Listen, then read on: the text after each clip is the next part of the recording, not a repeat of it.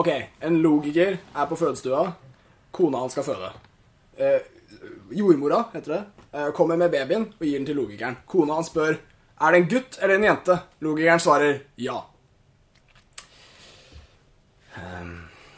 Det der er den verste vitsen jeg har hørt noensinne.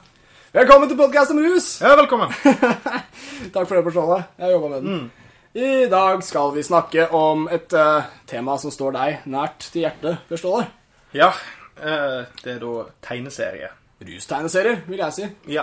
For å eh, putte rus foran alt. Ja, men og, og det òg Vi kan ta det ut ifra en ren sånn livsglede et, et livsgledeperspektiv, eller så kan vi òg ta det ut ifra de faktiske temaene som de tegneseriene vi skal snakke om i dag, omhandler. da, Og det er jo da rus. Eller ikke, ikke Vi har jo et litt sånn utvidet begrep om rus her, Absolutt. men eh, her handler det litt mer om konvensjonelle rusmidler. Akkurat. Det er det. Eh, men når det er sagt, så Hvis man skal dra dette rusbegrepet vårt langt som vi gjør, mm. så var jo kan jeg si at uh, tegneserier var en av de første rusmidlene jeg nøt som barn, sammen med brødskiver med Nugatti på og sånne ting. Ja, samme her. Altså, jeg, jeg begynte jo i det små med, med Donald Duck og co. Ja, Eh, ja. Og så utviklet det seg da med Fantomet og Supermann og eh, Batman og sånn. Og før jeg visste ordet av det, så satt jeg der med Preacher-tegneserien bare skutt inn i eh, underarmen. Og da er det ingen vei tilbake. Nei, det er alvorlige saker. Og det, det, er, det er sånn Ja. Sånn kan det gå. Hvis man ikke følger med, hvis man ikke er bevisst i forbruket, Ja. så tegneserier også. Ja, det, Til slutt så er det liksom ikke nok med eventyr i Andeby.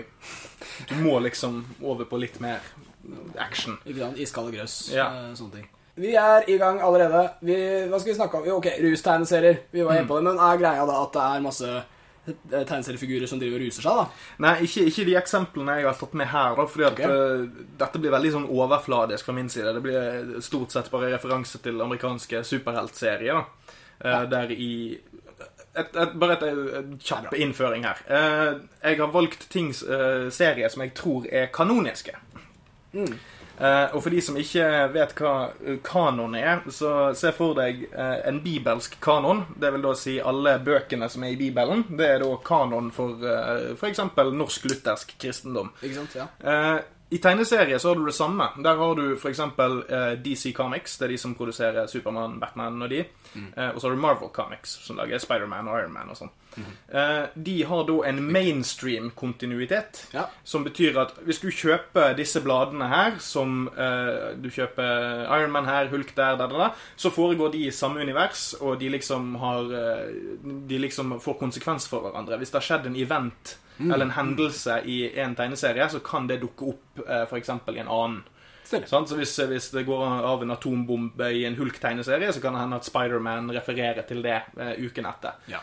Så disse rusgreiene er også innenfor dette. Ja, fordi at i disse de, altså de store tegneseriehusene som er Marvel og DC i USA, så er det sånn at eh, dersom man har et veldig kontroversielt tema man har lyst til å lage, eller noe som ikke passer helt inn, så lager man en, eh, en spesialutgave som ikke på en måte er i kanon. Ja. Det regnes ikke som en del av eh, bakhistorien til denne eh, figuren seinere.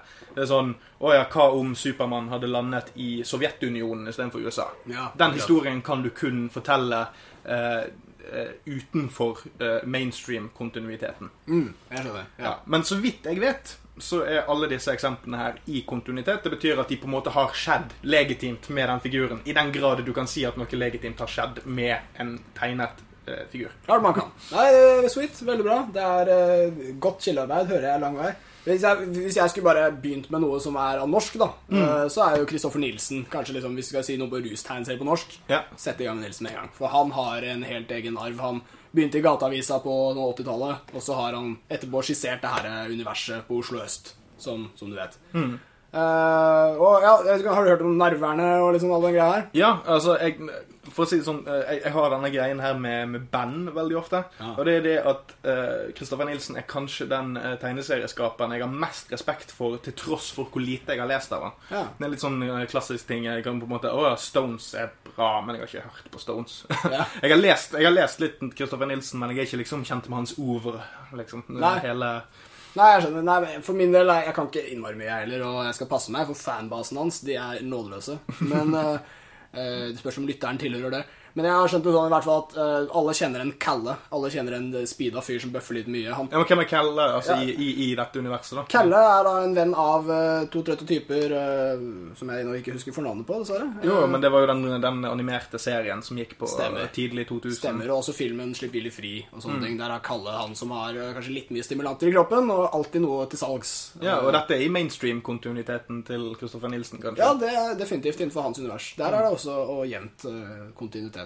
Eh, og eh, jeg bare føler at Kristoffer Nilsen ofte skildrer noe som ingen andre har gjort. At Alle gjenkjenner seg i Narvere, betyr egentlig bare gutta som hang på Narvesen.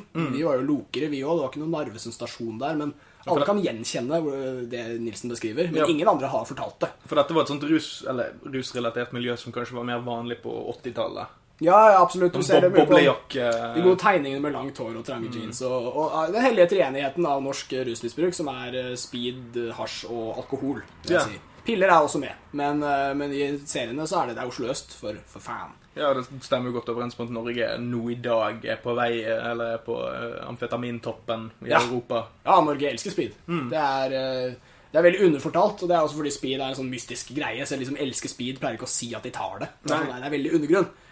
Så der har Nilsen gjort en, Norge en stor sosial tjeneste og lært oss litt om den mørke og interessante delen av Oslo øst. Ja, og altså, Det lille jeg har lest av Kristoffer Nilsen, og det har jo vært litt av disse Narver-historiene som er samlet i en sånn samlebok. Lånt på biblioteket. Veldig dårlig på kildehenvisningene på Kristoffer Nilsen. Eh, men, men det jeg liker jævlig godt med eh, tegnestilen hans og, og, og tematikken han tar, det er at han har en tegnestil som eh, rett og slett bare på en måte visualiserer den litt sånn usammenhengende livsstilen disse folkene her driver. Det er sånn ting, Man har veldig mange sånne rare, bølgete linjer på ting, og så er ting litt sånn rigid, og så har du veldig sånn Blikkene deres er ofte veldig tomme. Ja. Uh, en del sånne, sånne grep som kan være mer eller mindre liksom planlagt fra Nilsen sin side, men han har en sånn egen stil som bare passer jævlig godt til den typen tematikk som han tar opp. Ja, det passer perfekt, altså. Ja, du, du kommer liksom inn i en litt sånn skitten stemning bare av å se på det, alle gråtonene han tegner. Ja. Eh, viktig at vi tok Kristoffer Nilsen tidlig i den sendinga, for det er eh, vår sterkeste arv eh, her vi sitter og spiller inn på Oslo øst også. Oi, oi, oi. Nå har vi avslørt for mye. Ja, nå kommer Eh, PST og sparker inn døren hver hvert eneste øyeblikk. ja, nei, de har mye annet å gjøre i dag. Intern. Vi har, jeg har en annen som jeg tenkte å bare slenge ut, for, sånn at jeg får, får ferdig med det lille jeg kan av det her. Og det er jo at Mikke Mus på 30-tallet drev med mye annet enn han gjør i dag. Da slåss han bl.a. mot uh, Svarte-Petter. Da også. Svarte-Petter smuglet opium i en tegneserie i 1934. Det var litt fett. Typisk at de svarte driver og smugler ting hele tiden. Ja, bare Navnet Svarte-Petter er kanskje litt uh, ucool. Ja, det hadde ikke vært greit i dag, tror jeg. Svarte Pete. Eh, men ja, Mikke Mus har også markert seg som en bekjemper av, eh, av opium. Ja, for dette var i 1934, sant? Ja, tidlig, ass. Ja, eh, fordi eh, grunn, altså, man, man, man knytter jo eksempel sånn Mickey Mouse til liksom den veldig, veldig sånn moralsk eh, rakryggede Disney-moralismen? Altså, Mickey Mouse gjør jo ingenting nå for tiden. Nei. For, for Mickey Mouse er jo liksom maskotten til Disney-konsernet, så han kan nesten ikke være med i noen tegnefilm eller noe sånt lenger, fordi han er for- altfor kjedelig. Han, han, kan ikke, han kan ikke gjøre en dritt som liksom strider mot kjerneverdiene til Disney-konsernet. Mm, Det kan alle de andre figurene gjøre, for de er ikke maskotten. Sykt boring. Ja, eh, Som man gjerne blir av, eh, av sensur, da. Hva skjedde med dem ikke? Used to be cool, man. Ja. I, uh, jo, jo, eh, 1934 er jo mange år før det, Så å si eksakt 20 år før The Comics Code Authority trer i kraft. Det er sensur, er det ikke? Ja, det er mer eller mindre sensur. Jeg kan forklare kort, da. Gjør det. Eh, fordi eh, som med veldig mange andre kunstformer, så har man alltid, når, når noe begynner å eksplodere i, i innflytelse, så har du en ganske stor vekstperiode der ting er litt sånn Texas, der, der folk gjør det de vil. og litt sånn. Ja. Uh, uten, at, uten at storsamfunnet griper inn. da, Det har du hatt med musikk, du har hatt det med film du Ja, har hatt, Aksjemarkedet. ja, aksjemarkedet, alt sant? Overalt, ja. Man, man trenger, så, så sier samfunnet Hei, hei, vi er nødt til å kontrollere dette her snusket. Eh, Og det skjedde i ca. 1954. For da hadde det blant annet det kom flere sånne kontroverser. da. Vi snakker selvfølgelig om det amerikanske eh, tegneseriemarkedet. Det var mer eller mindre de som eh, oppfant eh, den liksom utbredte avistegneseriekulturen og litt andre ting. altså eh, Tegneserieblad og sånn. Veldig mye amerikansk påvirkning der. Ja. Eh, men da hadde du f.eks. begynt å få bøker, blant annet en bok som var skrevet av en psykolog som heter Frederick Wor- Wertham. ja. Eh, som het eh, 'Seduction of the Innocent'. Okay. Eh, Han var psykolog. Han Ja. var fagutdannet. Eh, og og eh, det han liksom argumenterte med, var at å, disse her forferdelige tegneseriene de bryter med allmenn moral, og de kommer til å ødelegge ungene våre, og de kommer til å vokse opp der de tror at monstre er ekte, og la, la, la. Og i denne perioden så hadde man en ganske stor eksplosjon av, av kreativitet, da. I det offisielle tegneseriemarkedet. Eh, Blant annet eh, de seriene som blir reprodusert i Norge som Iskalde grøss. Ja, Eh, The Vault of Horror og Tales from the Crypt. Kjempeskummelt. Og det, det er ting som har påvirket populærkulturen vanvittig de siste 50 årene. Det var sånn klassiske horror stories med, med, med litt sånn hum humoristisk sånn svart humor-twist. Eh, og denne comics-koden som ble innført, det var på en måte en slags frivillig kode. Det var det at main, eh, tegneserieskaperne fikk valget liksom om å, å, å hen, henvende seg til en komité som ville vurdere tegneseriene deres om hvor etiske de var. Og så, hvis, det, hvis komiteen godkjente det, så fikk du en sånn stamp of, uh, stamp of eh, quality-greie fra dem. Ja. Så da, disse tegneseriene ble da produsert med uh, sånn 'approved by the Comics Code Authority of America'. Ja, skjønner. Ja, det er jo sensur, da. Det blir jo det. Ja, det blir det. For eneste form. Ja, og nå er jeg eh, snart ferdig med denne, biten her. Eh, men det var i hvert fall eksempel eh, Overdreven vold var ikke lov. Så du kunne ikke ha altfor mye skyting og herjing. Og du ja. kunne ikke ha ord som horror eller terror i, i tittelen. Som gjorde at Iskalde grøss-tegneseriene måtte nesten legge ned. For de, fikk ikke distribuert nok seriene sine. Eh, og så kunne de ikke ha eh, mye seksualitet, eller seksuelle eh, abnormiteter. Hva enn det er. Ja, det er som forførelse, voldtekt, sadisme og masochisme var forbudt. Og du kunne heller ikke ha varulver, zombier eller vampyrer i tegneserien din. Det er jo- Hvorfor ikke? Nei. Eh, Så, så i det hele tatt, istedenfor å på en måte gradere noe altså, Det var jo både voksne og barn som kjøpte tegneserier på dette tidspunktet, men i stedet for å begynne å gradere det som er at ok, dette kan kanskje være et medium som kanskje ikke bare unge eh, konsumerer, så tenkte man nei, man skal bare ha en, en helhetlig etisk standard som du presser på hele mediet. Ah. Og så kan du velge å la være å ha det, dette stempelet på tegneserien din, men da, får ikke du, da, da er det ingen distributører som vil selge, selge den. Ja, så altså- da kommer du til å lide økonomisk tap. Så de slåss for essensen av tegneserier, rett og slett. De skal ikke ha det delt inn i noen noe aldersgrenser. Det skal bare være det reneste rene. Jeg, jeg vet ikke hvordan Altså, Comics Code var 50-tallet, eller? Ja, for jeg, jeg har en favoritt-rustegneserie som er uh, The Freak Brothers. Uh, eller The Fabulous Furry Freak Brothers. Jeg tror at på norsk var tittelen De fabelaktige, frynsete frikebrødrene. Fordi Seff. Og En ganske er- god oversettelse. jeg synes det, altså. Eh, Det er fra, det er fra 1968. Det handler om tre steine karer som stort sett prøver å skaffe spenn til å kjøpe weed. Og um, de hadde en, blant annet en katt. Fat Freddy's Cat fikk en egen tegneserie senere, osv. Og, og dette er kanskje den mest kjente rustegneserien. Den er lagd i svart-hvitt, uh, rufsete tegninger. Åpenbart en slags inspirasjon for Nilsen. Og, Ja, ja. Eh, Det der er vel sikkert parallelt med f.eks. Fritz the Cat. Fritz the Cat er eh, samme tegner, eller i hvert fall veldig lik strek. Nei, ikke, ikke det ja, nå, no, Ja, nå, skal ikke- nå skal, nå skal ikke jeg snakke om tippe hvem det her, er. kanskje. For det kan vi jo faen ikke. Men nei, det, det var i hvert fall hippie-tegneserien nummer én. Og jeg, jeg vet ikke om de fikk noe pes med The Comics Code, men de fikk i hvert fall mye debatt rundt det at de hadde var sentrert rundt marihuana. Mm. Ja, nå, nå er ikke jeg noen ekspert på hvordan de, de opererte med underground comics i statene på den tiden. Jeg tror det var det. Jo, jo, det er underground comics, men, men jeg vil tippe det at eh, distribusjonskanalene var ikke liksom eh, aviskiosker og sånn. da. Det er det at eh, de heller fikk andre distributører i eh, subkultur- eller motkulturmiljøene. Ja. Sant? At, du, at du kanskje har en platesjappe som drives av en hippie, og da tar han inn disse her eh, undergrunnstegneseriene og selge Ja. det til sine kunder. Og det var helt greit. Det var ikke sånn at politiet kunne komme og liksom sparke inn døren for det. Men Der går grensen. This is America.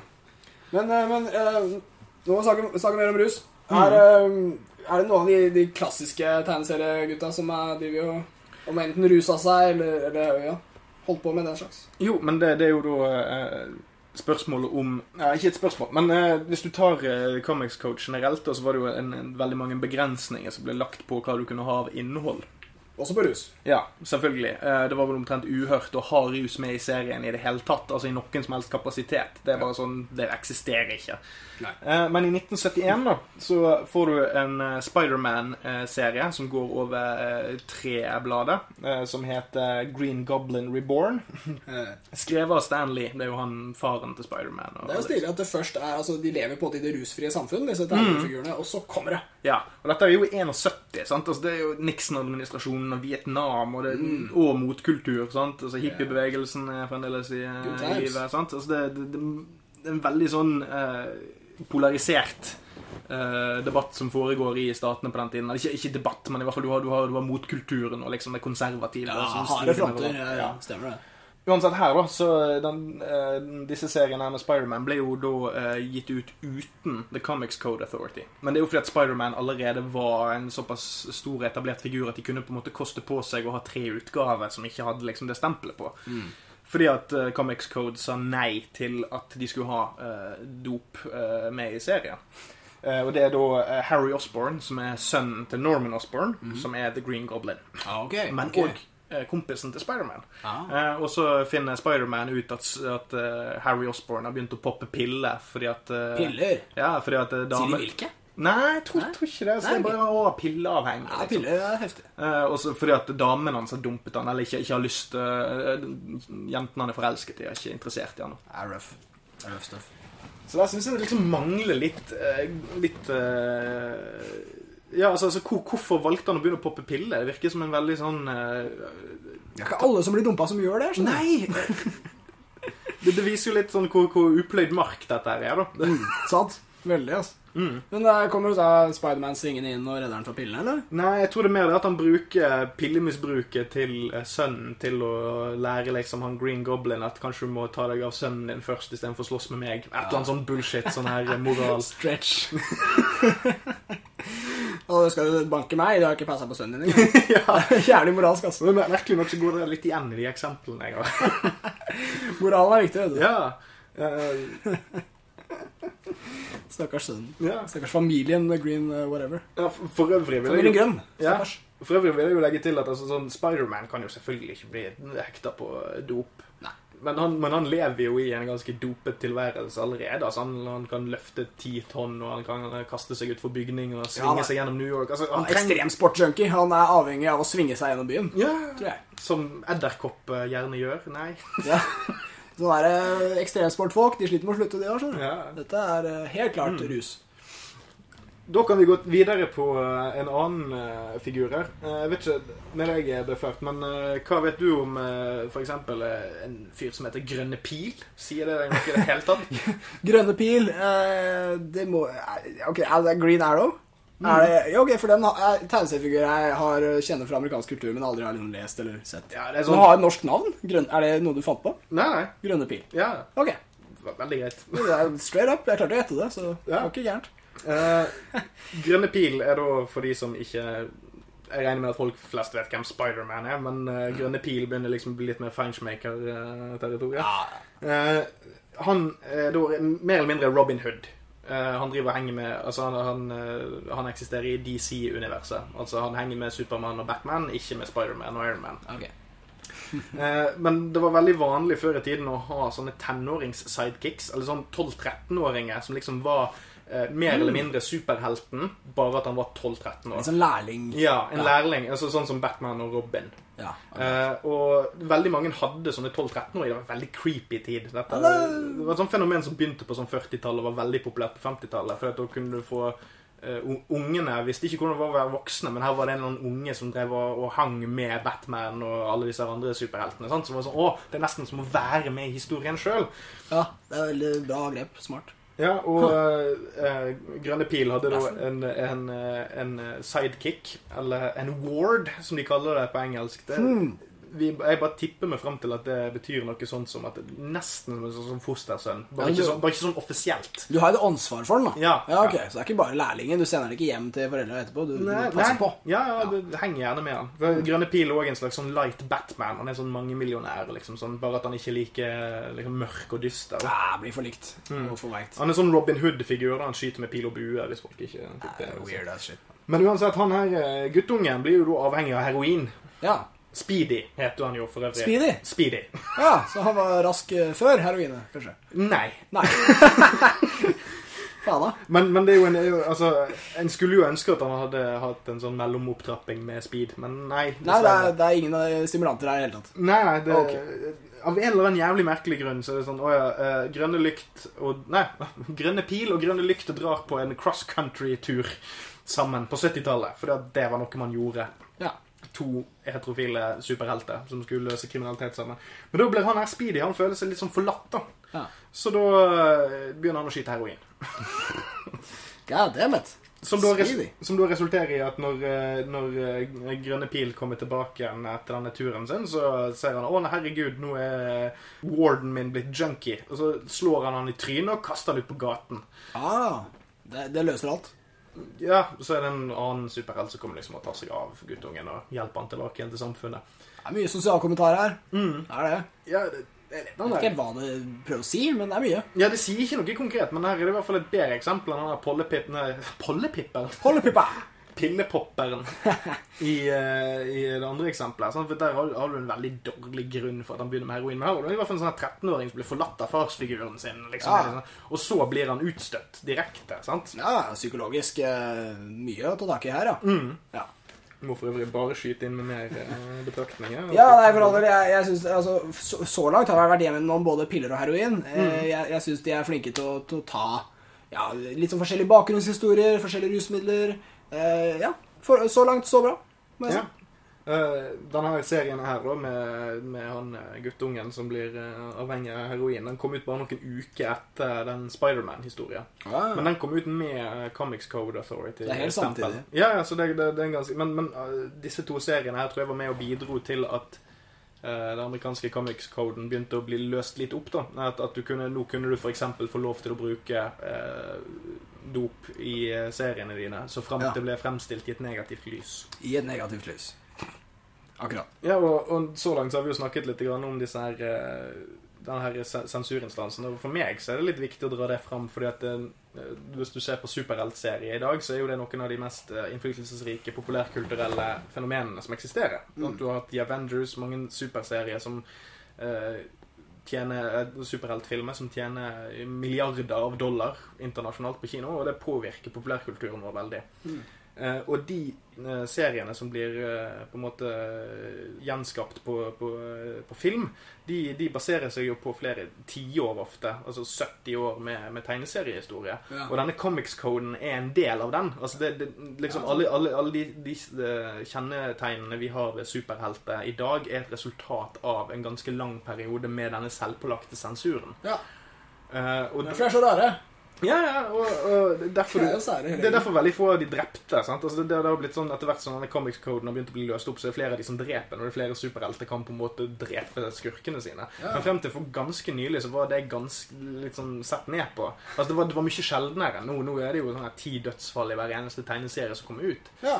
Og det høres jeg ut som litt sånn her gammel, gretten gubbe. Men det, det er jo sånn alt med måte, tenker jeg. Ja, ja, det er sant. Det er sant. Skulle, jeg, har hørt flere jeg kjenner også som har reagert på det. Liksom, sånn, er det. Så, den, den slemme karen har en showdown med helten på slutten av filmen. Og så sier den slemme karen sånn 'Å nei, du vinner helt.' Og så sier helten 'Jeg sparer deg, for jeg er så snill'. Og så gjør han slemme fyren én siste move, da. Én som prøver å stikke han i ryggen, eller noe, og så dytter de han utfor et fjell. Det er bare Én liten impulskontroll. Da fortjener du å dø. Da, da, det, da sitter alle i kinosalen og jubler, alle barna er glad. Gi han døde, den slemme mannen. Det er ikke bra, det der. Det er ikke rettssikkerhet. Nei, da har du på en måte rettferdiggjort det, da. Ja, ja, ja det er smart move, men eh, barna blir uh, kyniske. Kanskje.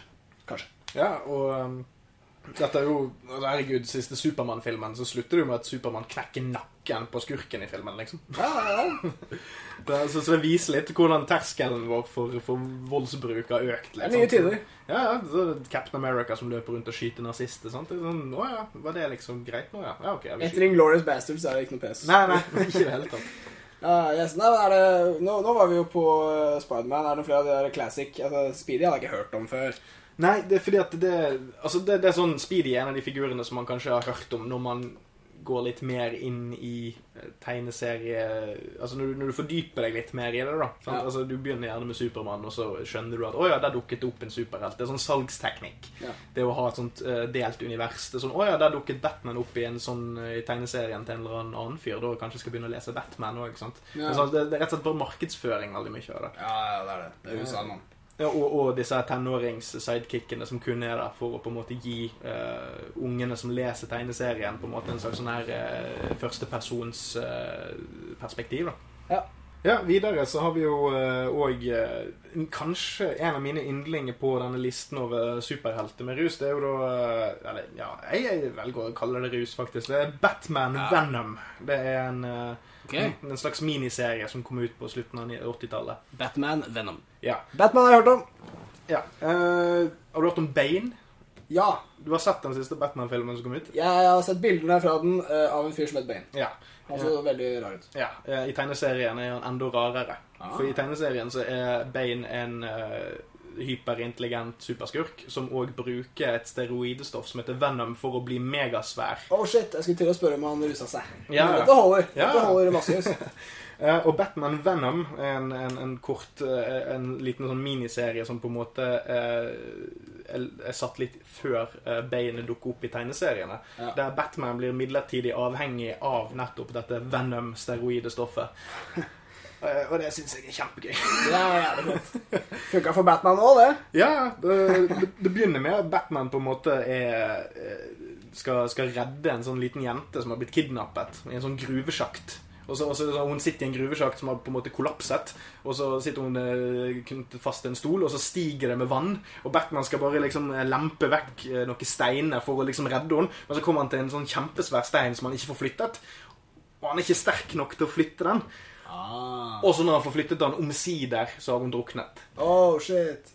Og, og dette er en sånn ting som folk gjerne glemmer, da, fordi at å, Batman er så stor og tøff og la, la, la, la, la. Ja. Eh, men uh, Batman sin karakter er jo basically bare det at han har ikke lyst til at noen skal dø. Han vil ikke at noen skal dø, han. Nei, Nei, han Han er- skal bruke gadgetene sine til å hindre det. Ja, Det er Batman. hele hans greie er det. Heftig. Du kan snakke om hvor jævla badass han er, og at han skremmer folk, og la, la, la, men han er egentlig bare en softie som ikke vil at eh, noen skal dø for tidlig. Han Liksom. slåss mot døden generelt. Det Ja. er en ekte superhelt. Generelt. Fett. Og så drar han hjem Han drar hjem til han eh, faren til hun, dat- hun jenten som har dødd. Og han bryr seg ikke så veldig om at hun druknet. Det var noe så som så. Eh, Og så kan han tilby Batman et steroidestoff som gjør at han aldri kommer til å eh, måtte liksom gi tapt for fysisk svakhet. Herlig farsfigur. Og dette fører jo da til at Batman får en sånn eskaleringsgreie. Han blir sterkere og sterkere og mer aggressiv og sånn, og holder på å drepe en eller annen stakkars uh, sånn eh, street uh, guy som han skal banke opp for informasjon og sånn. Ja.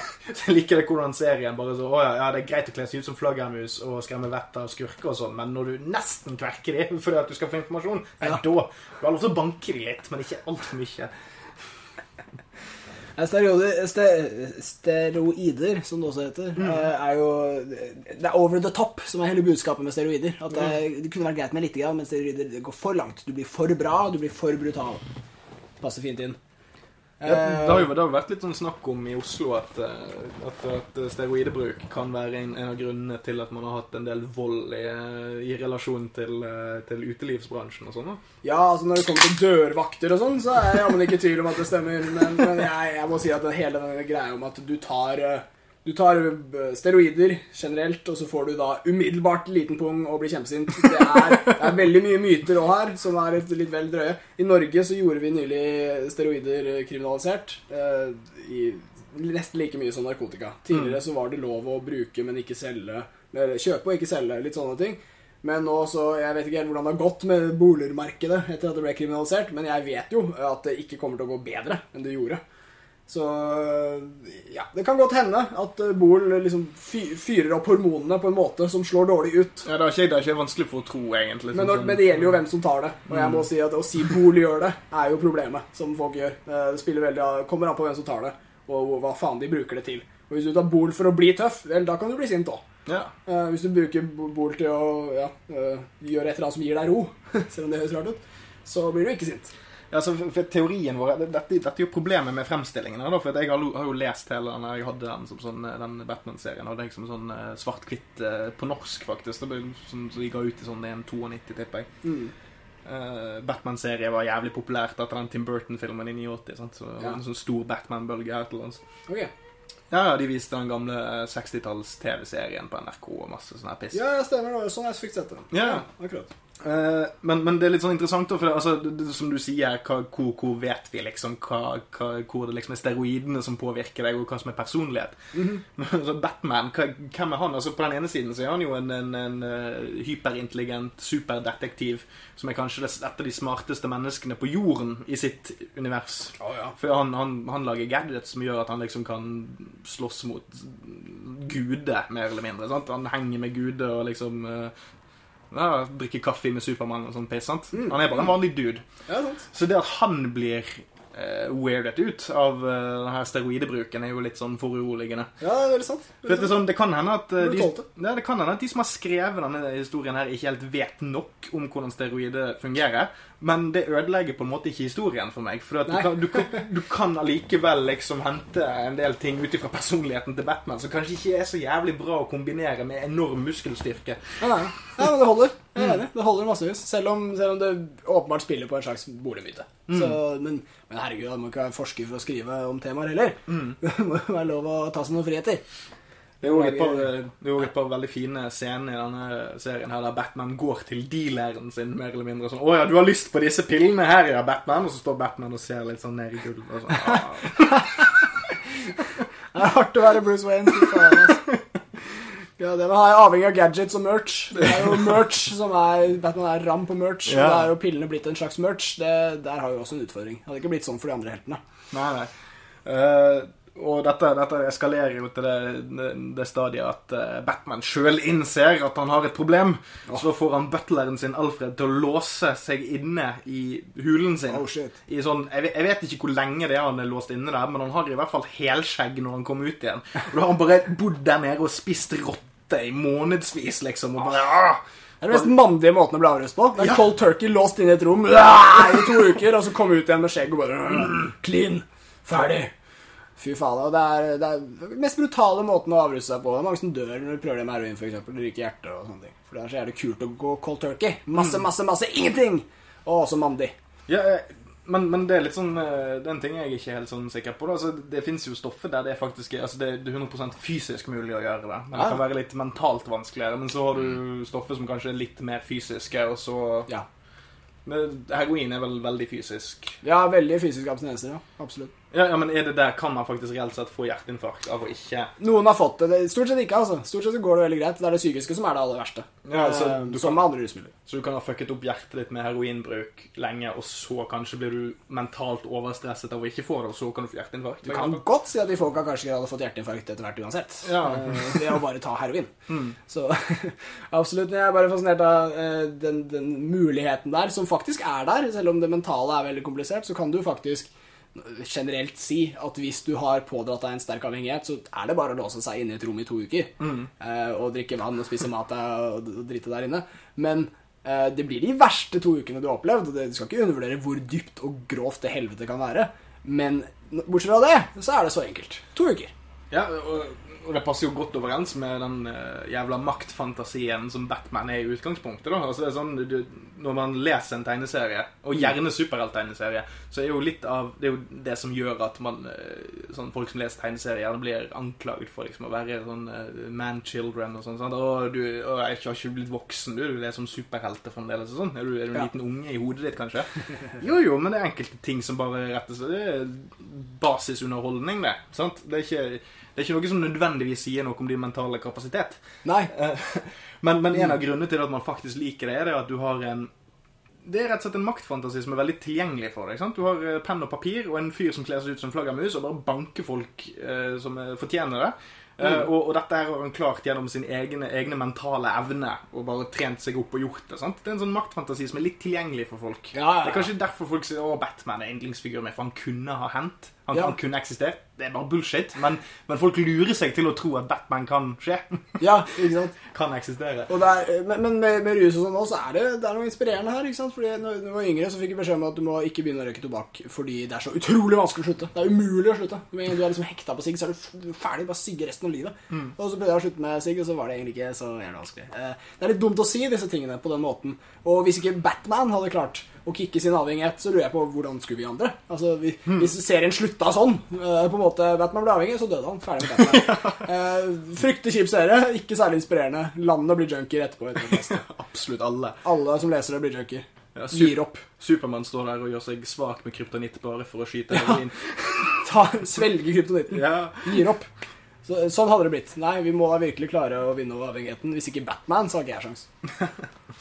Vi kan jo gå videre, da. eh, På en av våre Kanskje en av de kuleste superheltene som har blitt uh, satt på kino de siste ti årene. Det er jo Iron Man. Og også en gadgetman, absolutt. Ja, Eh, han er på en måte Bruce Wayne, bare uten all tragedien.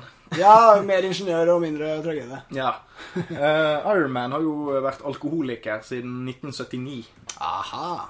Der har vi spriten. Du, vi går jo gjennom forskjellige substanser her. Det er, vi mangler jo cannabis og weed. Ja, det er litt for kjedelig. Jo, men det finner vi plenty av, da. Fordi at er mye prestasjonsfremmende også, da. Jeg liker det. Eh, Steroider, eh, fylla, altså det er pillene Det er en ting å håndtere stress. Ja, og så um, i forhold til Ja, men akkurat det der med marihuana, det er sånn som kanskje gjerne dukker opp i PSAs.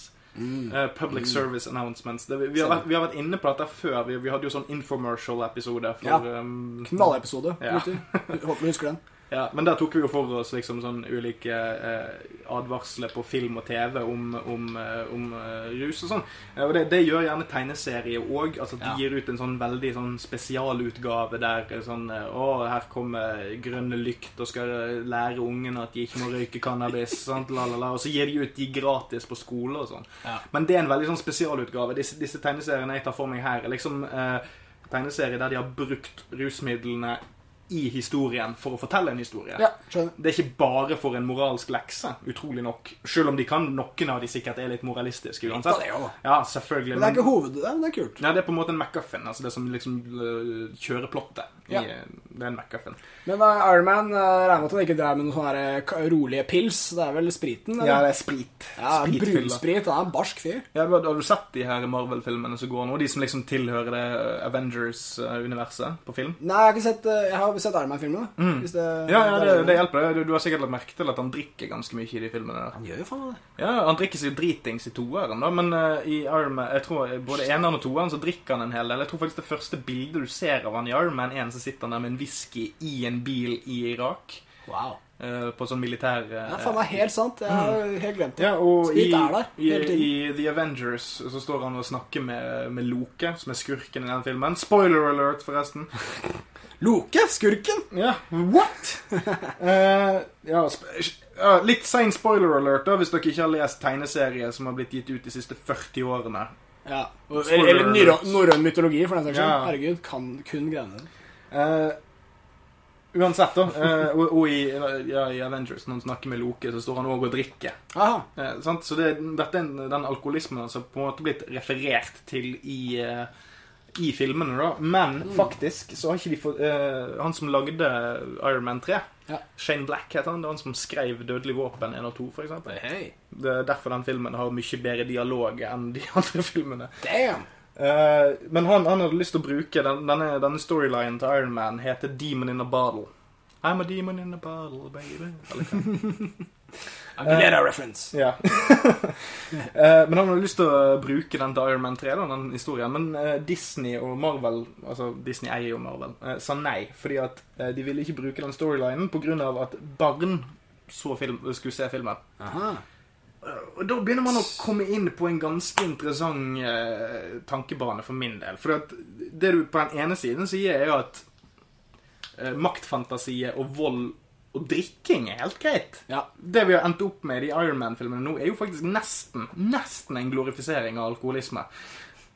Det er greit, men det å vise at Tony Stark faktisk må ta konsekvensene av alkoholforbruket sitt, og kanskje se seg sjøl i et speil og si 'Å, hva i helvete er det jeg driver med', så eh, Nei, nei, nei, det kan ikke ha. Det blir for tungt. Hva med å ta anledningen til å lære kidsa litt om alkoholisme? Det er ikke Ja, de ødela det. De Ja. missa det. Jeg, har- jeg har ikke noe im altså, Vi har jo snakket veldig mye imot moralisme og nedlatenhet og lære kidsa en lekse, men dette er, det er greit, altså. Advare mot Det er mange som har alkoholproblemer, og det er mange som har rusproblemer. En del av livet, for faen. ja, sant? Enig. Og så, som viser å ja, det går an å komme seg over det. Du kan klare liksom å ta deg sammen og komme deg videre. Det, så lenge det ikke blir fremstilt på en sånn nedlatende drittmåte, så er det en helt grei storyline. Det er bare det at noen ganger blir det gjort jævlig douchey. Ja, Av folk som ikke vet hva de snakker om. absolutt. Men er det sånn at Iron Man eh, vinner over problemene sine, eller er han en fungerende dranker som fortsetter å drikke?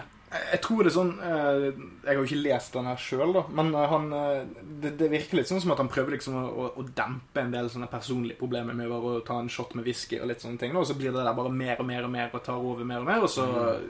til slutt så er det en sånn nydelig sånn bilde der Captain America bare snur ryggen til Iron Man og sier at Åh. 'Å, jeg hjelper deg ikke før du har lyst til å hjelpe deg sjøl'. Å, USA snur ham ryggen. Ja, sjelen til USA. Å, fy fader. Se, du kan ikke hjelpe noen som ikke vil bli hjulpet. Og der er det disiplin. Og det er barskt. Å, fy fader. Sånn blir man nykter, da. Eh, Men han har vært, så vidt jeg vet, altså det kan hende at han har hatt en relapse her og der. Det er sånn som skjer. da. Det, veldig ofte i tegneserier det er sånn, å, vi har hatt et problem, og nå er vi ferdig med problemet. Men sånn ti år senere så tar vi og plukker opp det problemet igjen, for nå er det ingen som husker sist gang. Ja, ikke sant. Må også huske, men, men jeg kom også på noe at uh, Tony Stark han selger jo våpen. Ja. De sliter jo med samvittigheten. De drikker jo Nå vet jeg ikke om lytteren jobber på Kongsberg eh, våpenfabrikk, men Hvis du gjør det som en pikk. ja, jeg tror de drikker hardt, ass. Uh, kan hende et par av de lytter på. Fordi eh, jeg hadde i hvert fall gjort det hvis jeg satte inn en liten skrue hver dag, og den kula bare traff fattige mennesker etterpå. Uh, ville jeg tenkt på det. Det burde dere. Ja, det norske eh, kvinnelige skihopplaget burde jo òg Ja. Soul Searcher. Var ikke, var ikke de sponset av Nammo? Oi, oi, oi, jeg tror masse av skihoppen i Norge er det. Ja. Og masse festivaler og olje og våpen. Woohoo! Ja, det, det så jo jeg for noen år siden. Det var, jo faktisk Kongsberg-gruppen og Nammo skulle ha sånn jævla flyhelikopter helikoptershow over Rådhusplassen. Husker du det? Jeg, jeg så det ikke sjøl, men jeg hørte liksom sånn helikopterduring over hele jævla byen. Altså, det, var, det hang sånne plakater 'Kom på Rådhusplassen og se en Kongsberg-gruppen sin kamphelikopter'. Han som lagde den ideen om det arrangementet, han var drita. Det var sprit. Alltid sprit. Jeg har en kompis som øh, også sa det at det beste med Nammo er at de har store konferanser hvor du da må sitte og høre på et halvtimes foredrag, litt sånn timeshare-stemning, og så får du masse mat og masse sprit etterpå. Så det er verdt det å gå på det hele tiden. Bare drikker og høre på det pisset deres om at våpen egentlig er dritkoselig. Uh, ja. Uh, men da har vi noe mer før vi runder opp denne knallsendingen uh, om barndomsrus. Å ja. jeg mener tegneserier. Om vi har. Ja, Om vi har. hva har du spart til slutt? Jo, nå skal du høre. Oi, oi, oi. Hva skjer nå? Hva skjer nå? Hva skjer nå? I am Snowflame. Every cell of my being burns with white hot ecstasy. Cocaine is my god, and I am the human instrument of its will. Pablo Escobar. Nei, hvem sa det? Snowflame. Snowflame. Å, Snowflame, Er en Snowflame. kokainsuperhelt? eh, Eller skurk, kanskje. Litt Ja, altså, jeg, jeg nekter å tro at noensinne har blitt akseptert med en kokaindrevet superhelt. Nei, si det sånn. selv ikke på børsen. Nei. Ja, nei, selv ikke der. Jo, kanskje der. Eller der fins det jo. En intern børstegneserie. Ja. Kunne gått. Altså, Snowflame har jo, som eh, noen har påpekt for meg, kanskje det mest rapy uttrykket jeg har sett. Et begrep som rape kan du definere det for Ja, altså, det blir vanskelig på norsk å si voldtekt, dette. Ja, men, ja, men det er ikke et godt ord på det på norsk. Rape rapey er jo først og fremst å dra liksom, seksualitet inn på steder hvor det ikke hører hjemme. Og å være litt sånn insisterende når, Ja. når folk ikke vil ha det. Eh, og, men, men her er det jo snakk om uh, uttrykket til figuren. Altså at han ser ut som han har lyst til å forgripe seg på deg. Ja, ja det, det, det er vel gjerne noe man har med stimulantblikk. ja, ja. ja, det er sinte øyne. Ja, Det blir ofte det. ja, Øyne som er litt, litt for intense og har en slags intensjon som kanskje ikke er til stede. Ja. At folk Ah, ser ut som de har lyst til å gjøre noe som de ikke helt har bestemt seg for ennå. Ah, det er galskapen. Det er galskapen i øya. Det er dyr. Ja. Oh, øh, min store sorg her i livet er at Snowflame eh, ikke eksist... Altså, ikke, ikke fins lenger. Han var bare med i én tegneserie én gang på 80-tallet, og så ble han drept, og så har han aldri dukket opp igjen. Jeg syns det er synd og fucking skam. Han ble ikke drept av overdose? Ble han det? Nei, Nei. han ble drept av en eksplosjon. Ah, det er litt coke-måte å dø på, da. Eh, Han eh, Greien er at uh, Snowflame er en kokaindrevet superskurk. Det betyr at jo mer kokain han tok, jo Mm. mer mektig ble han. Ah, altså coke er, er på en måte bra for ham. Ja, ja, ja. Ja. Eh, og, og bare den setningen jeg leste opp her liksom sånn, altså han, Det er noe fantastisk med dialogen han har i denne serien. her også. Han, han, han sier og, og, gjør ting som bare virker veldig genuint cokete.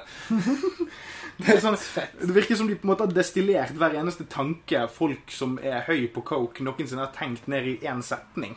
Når er det, når er det Snowflake dukker opp? Når, Snowflake? ah, Snowflame! Unnskyld meg, det er coke-greiene som fucker Nei, han dukker opp for det, altså, Jeg gidder ikke å ta backstoryen til de som treffer han. For det sånn her, han dukker opp i noe som er en tegneserie som heter New Guardians. Og, når er det?